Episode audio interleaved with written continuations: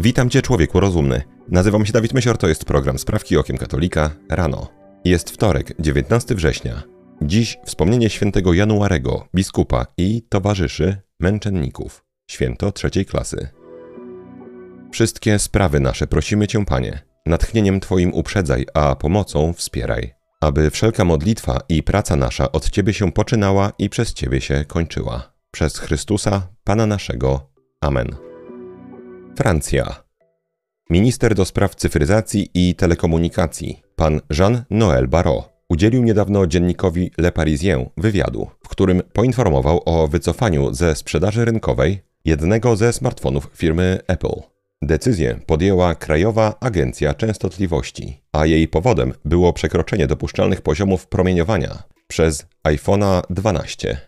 Według wyliczeń agencji, model ten przekracza o 1,74 W na kilogram, ustawową granicę odpowiadającą poziomowi energii, jaką może pochłonąć ludzkie ciało. Obecnie korporacja Apple ma 15 dni na ustosunkowanie się do decyzji. Przez bardzo długi czas informacje o szkodliwym promieniowaniu emitowanym przez telefony były wyśmiewane jako, jak zawsze, teorie spiskowe. Jak widać, przynajmniej niektóre z tych obaw były uzasadnione.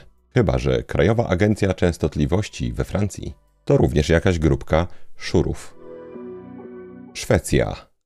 Prokuratura w mieście Malmö poinformowała media o najnowszych ustaleniach w procesie karnym znanej i wyjątkowo dzielnej aktywistki klimatycznej dwudziestoletniej pani Grety Thunberg. Najbardziej znana wagarowiczka świata, odpowie za uczestnictwo w nielegalnej manifestacji, której skutkiem było poważne sparaliżowanie ruchu miejskiego. Przedstawiciel prokuratury pani Izabel Ekberg powiedziała: Klasyfikacja karna wykroczenia obejmuje także nieposłuszeństwo wobec organów ścigania. Zdaniem prokuratury czynu dokonano umyślnie. W poprzednim procesie panna Thunberg została skazana na karę grzywny w związku z przyłączeniem się do protestu radykalnej grupy Odzyskać Przyszłość i blokowaniem dostępu do szybu naftowego. Rozprawa, na której ostatecznie ocenione zostanie postępowanie tej biednej, żywej maskotki międzynarodowych korporacji, odbędzie się w środę 27 września. Trzecia sprawka to krótka żywotów świętych, dawka. Dziś wspomnienie świętych Januarego, biskupa i jego towarzyszy, męczenników. Święty January urodził się około roku 270. Był biskupem Beneventu, południowo-zachodniego miasta Italii. W czasie prześladowań chrześcijan przez cesarza Dioklecjana aresztowano diakona Sozjusza. Święty January wraz ze świętymi Festusem oraz Dezyderiuszem udali się do więzienia, by pocieszyć Sozjusza. Wszyscy zostali natychmiast aresztowani i zażądano od nich złożenia ofiary pogańskim bożkom. Biskup January, jak i każdy diakon z osobna, odmówili, w wyniku czego skazano ich na śmierć. Świętych męczenników zabrano do miasta Puteoli, gdzie w amfiteatrze mieli zostać pożarci przez niedźwiedzie. Diakon Prokul oraz dwóch świeckich, Euchytes i Akacjusz, zaprotestowali przeciw wyrokowi i za to także skazano ich na śmierć. Dzikie zwierzęta nie chciały tknąć świętego Januarego, dlatego postanowiono, że zostanie on ścięty. Jedna z chrześcijańskich kobiet po egzekucji zebrała jego krew do flakonika, który do dziś czczony jest w Neapolu. Co roku we wspomnienie świętego Januarego, a także w inne ważne święta, ma miejsce cud świętego Januarego. Krew we flakoniku zmienia postać ze stałej w płynną.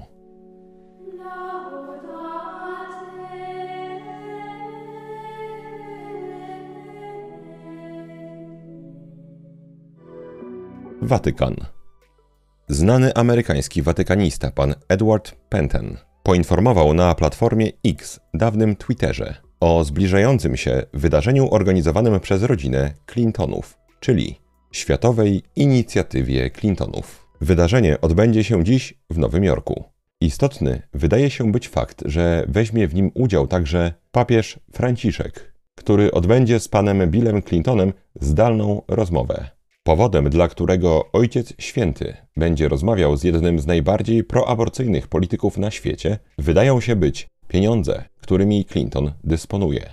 Stolica Apostolska planuje uzyskać wsparcie w wysokości 8 milionów dolarów na wsparcie szpitala dziecięcego Dzieciątka Jezus. Niezwykle ważnym wydaje się być pytanie, czego w zamian zażąda wrogi cywilizacji życia były prezydent. Stany Zjednoczone. Jak informuje katolickie czasopismo Crisis Magazine, stolica apostolska naciska na amerykański episkopat w kwestii podjęcia walki ze wspólnotami katolickich tradycjonalistów.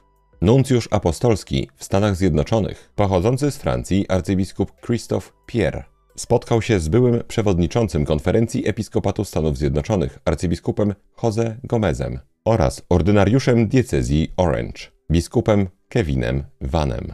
Obaj hierarchowie raczej chętnie zezwalali na obecność tradycyjnej katolickiej liturgii w swoich diecezjach. Naciski nuncjusza przyniosły jednak efekt. Z diecezji Orange zniknie jedno z najliczniejszych pod względem wiernych miejsc celebracji tradycyjnej mszy świętej. Natomiast w archidiecezji Los Angeles, której przewodzi arcybiskup Gomez, tradycyjni katolicy będą musieli przenieść się z kościołów parafialnych na sale gimnastyczne. Ponownie Stany Zjednoczone. Znana aktorka pani Ellen Page w roku 2021 przeszła tzw. Tak korektę płci, twierdząc od tego czasu, że jest mężczyzną o imieniu Elliot. W trakcie jednego z wywiadów pana panią Eliota zapytano o najbardziej prestiżowe nagrody w branży filmowej, czyli Oscary. Zdaniem pani Page, Amerykańska Akademia Sztuki i Wiedzy Filmowej, przyznająca Oscary, powinna zmodyfikować kategorię nagród tak, by uwzględnić również tzw. Tak aktorów niebinarnych. Aktorka powiedziała: Tak, wydaje mi się, że wprowadzenie nowych kategorii aktorskich, które byłyby odpowiednie dla artystów neutralnych płciowo, to dobry pomysł. Mam nadzieję, że wyjdziemy poza dotychczasowy sposób myślenia o binarności. Zdaniem portalu Entertainment Weekly, słowa aktorki mogą wywołać poważną dyskusję w Hollywood i urealnić ten chory pomysł. Polska. Znany, bardzo modernistyczny, czeski duchowny ksiądz Tomasz Halik wystąpił niedawno na trwającym do dziś w Krakowie zebraniu plenarnym Światowej Federacji Luterańskiej. Ksiądz Halik jest jednym z najbardziej popularnych liberalnych duchownych w środkowej Europie. Regularnie podczas rekolekcji wygłasza bardzo kontrowersyjne treści, także w diecezjach polskich. Tym razem czeski kapłan wypowiadał się na temat przyszłości Kościoła w kontekście pontyfikatu papieża Franciszka oraz tak zwanego synodu o synodalności. Ksiądz Halik powiedział: Jestem przekonany, że stoimy w obliczu możliwego początku nowej reformacji chrześcijaństwa, opartej zarówno na II Soborze Watykańskim, jak i na zielonoświątkowym nowym ożywieniu światowego chrześcijaństwa. Jak do tej pory pełna zgoda z księdzem Halikiem. Zespół Sprawek Okiem Katolika również jest przekonany, że stoimy w obliczu takiego niebezpieczeństwa. Duchowny przedstawił także dość osobliwe spojrzenie na nawracanie niewierzących na katolicyzm. Misja Kościoła nie może być nakierowana na pozyskiwanie nowych członków i wpasowywanie ich w istniejące struktury kościelne. O wiele ważniejszy ma być ubogacający dialog, także z osobami innych religii czy z niewierzącymi. To, co powiedział ksiądz Halik, można by też ująć odrobinę inaczej. Misja prawdy nie może być nakierowana na mówienie ludziom tej prawdy. O wiele ważniejszy ma być ubogacający dialog z fałszem. Ponownie Polska. Na stronie internetowej stacji radiowej SK opublikowano artykuł zawierający porady dla rodziców chcących ochrzcić swoje dziecko. Artykuł nosi tytuł W jakim wieku ochrzcić dziecko? Odpowiedź pediatry. Wcześniej chrzest może być niebezpieczny. Na stronie Eski czytamy. Okazuje się jednak, że zbyt szybkie ochrzczenie dziecka może być niebezpieczne. Lekarz pediatrii wyjaśniła w mediach społecznościowych, że na jej oddziale wśród chorych maluchów najwięcej jest tych, które przyjęły chrzest przedwcześnie. Owym lekarzem pediatrii jest pani dr Niam Lynch, która swoją popularność zdobyła na TikToku. W treści artykułu umieszczony został link do nagrania lekarki, w którym mówi: W pierwszych miesiącach życia maluch nie ma jeszcze dostatecznie rozwiniętego układu odpornościowego, żeby poradzić sobie nawet z niewielką infekcją. Dlatego z chrztem i innymi uroczystościami najlepiej poczekać do momentu, aż noworodek skończy 3 miesiące, a najlepiej, gdy dziecko będzie miało ponad pół roku. Pani doktor nawet nie sili się na przytoczenie jakichkolwiek dowodów na to, że jakiekolwiek infekcje zostały spowodowane chrztem. Tego typu skróty myślowe są coraz bardziej powszechne tępej antychrześcijańskiej propagandzie. Ostatnia sprawka to krótka rozprawka. Dziś o roli socjotechniki w naszym, katolików, pojęciu o historii Kościoła. Przez wiele lat sam, żyjąc jakby w jakiejś mgle, powielałem kłamstwa na temat historii Kościoła, jakby były jakąś stwierdzoną prawdą. Przecież wszyscy wiemy, że oczywiście średniowiecze to wieki ciemne. Inkwizycja to hordy fanatyków religijnych, torturujących z lubością tych, których nie przekonywały zabobony. Oczywiście, gdy tylko jakaś dobra kobieta leczyła przyjaciół za pomocą ziół, Kościół palił ją żywcem na stosie, a obecni podczas tego wydarzenia przedstawiciele Kościoła byli tym szczerze zachwyceni. Oczywiście żadna instytucja nie spowodowała tyle wojen i śmierci co Kościół katolicki. Oczywiście Kościół katolicki zabraniał świeckim czytać Biblię i w tym celu właśnie trzymał jej egzemplarze pod kluczem. Oczywiście przecież wszyscy wiemy, że w trakcie II wojny światowej papież nie potępiał Holokaustu. Oczywiście wreszcie Marcin Luther dokonał swojego przewrotu, ponieważ Kościół sprzedawał odpusty. To tylko część, w cudzysłowie, oczywistych, w cudzysłowie, faktów z historii Kościoła. Ostatnio jednak miało miejsce pewne wydarzenie. Prawdopodobnie słyszeliśmy o nim wszyscy.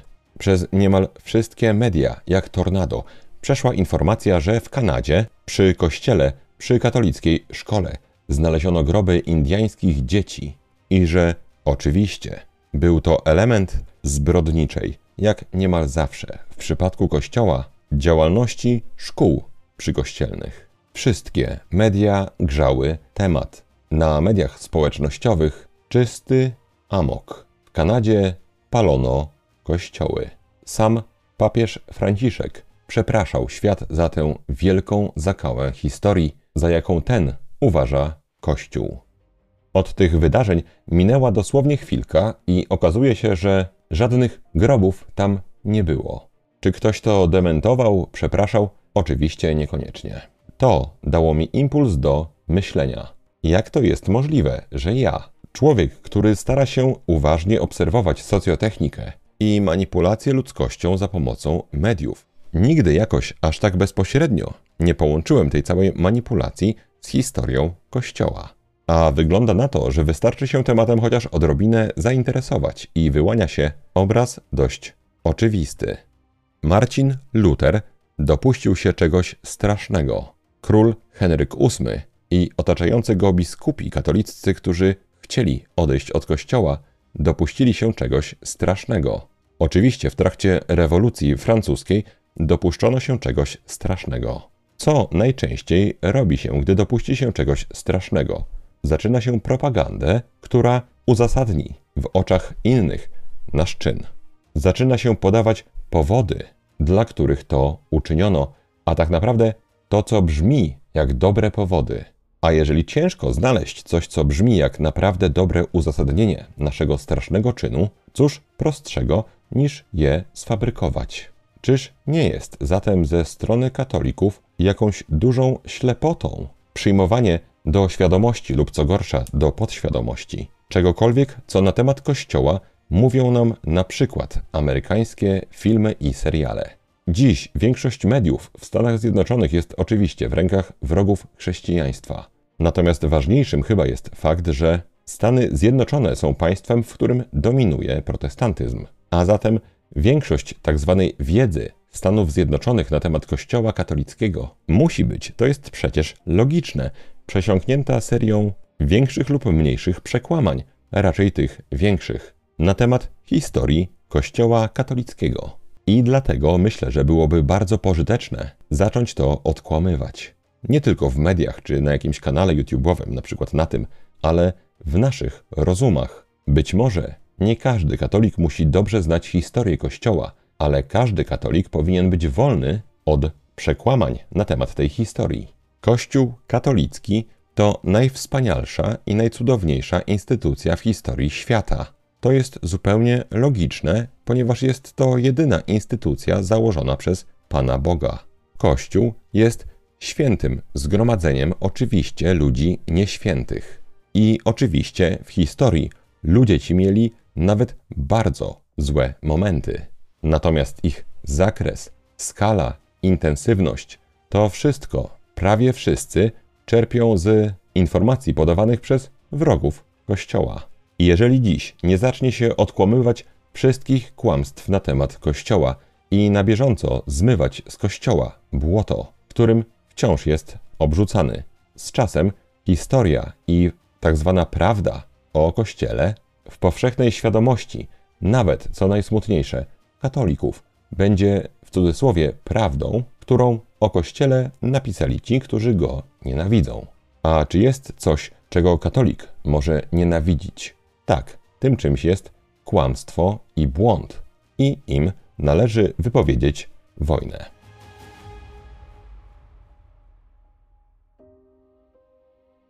Maryjo, posłuż się mną dziś jak chcesz. Wykorzystaj mnie jak chcesz. Byle tylko choć jeden grzesznik zszedł z drogi zatracenia, poszedł do spowiedzi świętej i zwrócił się ku Panu Jezusowi. To na dzisiaj wszystkie sprawki okiem katolika rano. Jeżeli chcesz nam pomóc, daj proszę łapkę w górę pod tym filmem na YouTubie i napisz komentarz. Jeżeli chcesz wesprzeć zespół Sprawek Okiem Katolika najmniejszą chociaż kwotą, to szczegóły jak można zostać patronem naszej pracy znajdują się w opisie tego odcinka. Wszystkim bardzo dziękuję i przypominam, że 24 września zostanie odprawiona kolejna już msza święta tradycyjna w intencji o Boże błogosławieństwo dla wszystkich dobrodziejów tej pracy. Mój drogi słuchaczu, życzę Ci błogosławionego dnia. Święci January i towarzysze, módlcie się za nami. Człowieku rozumny, trzymaj się, nie łam się i bardzo Ci dziękuję za Twój czas. Mam nadzieję, że do usłyszenia jutro. Przeżyj ten dzień z Panem Bogiem.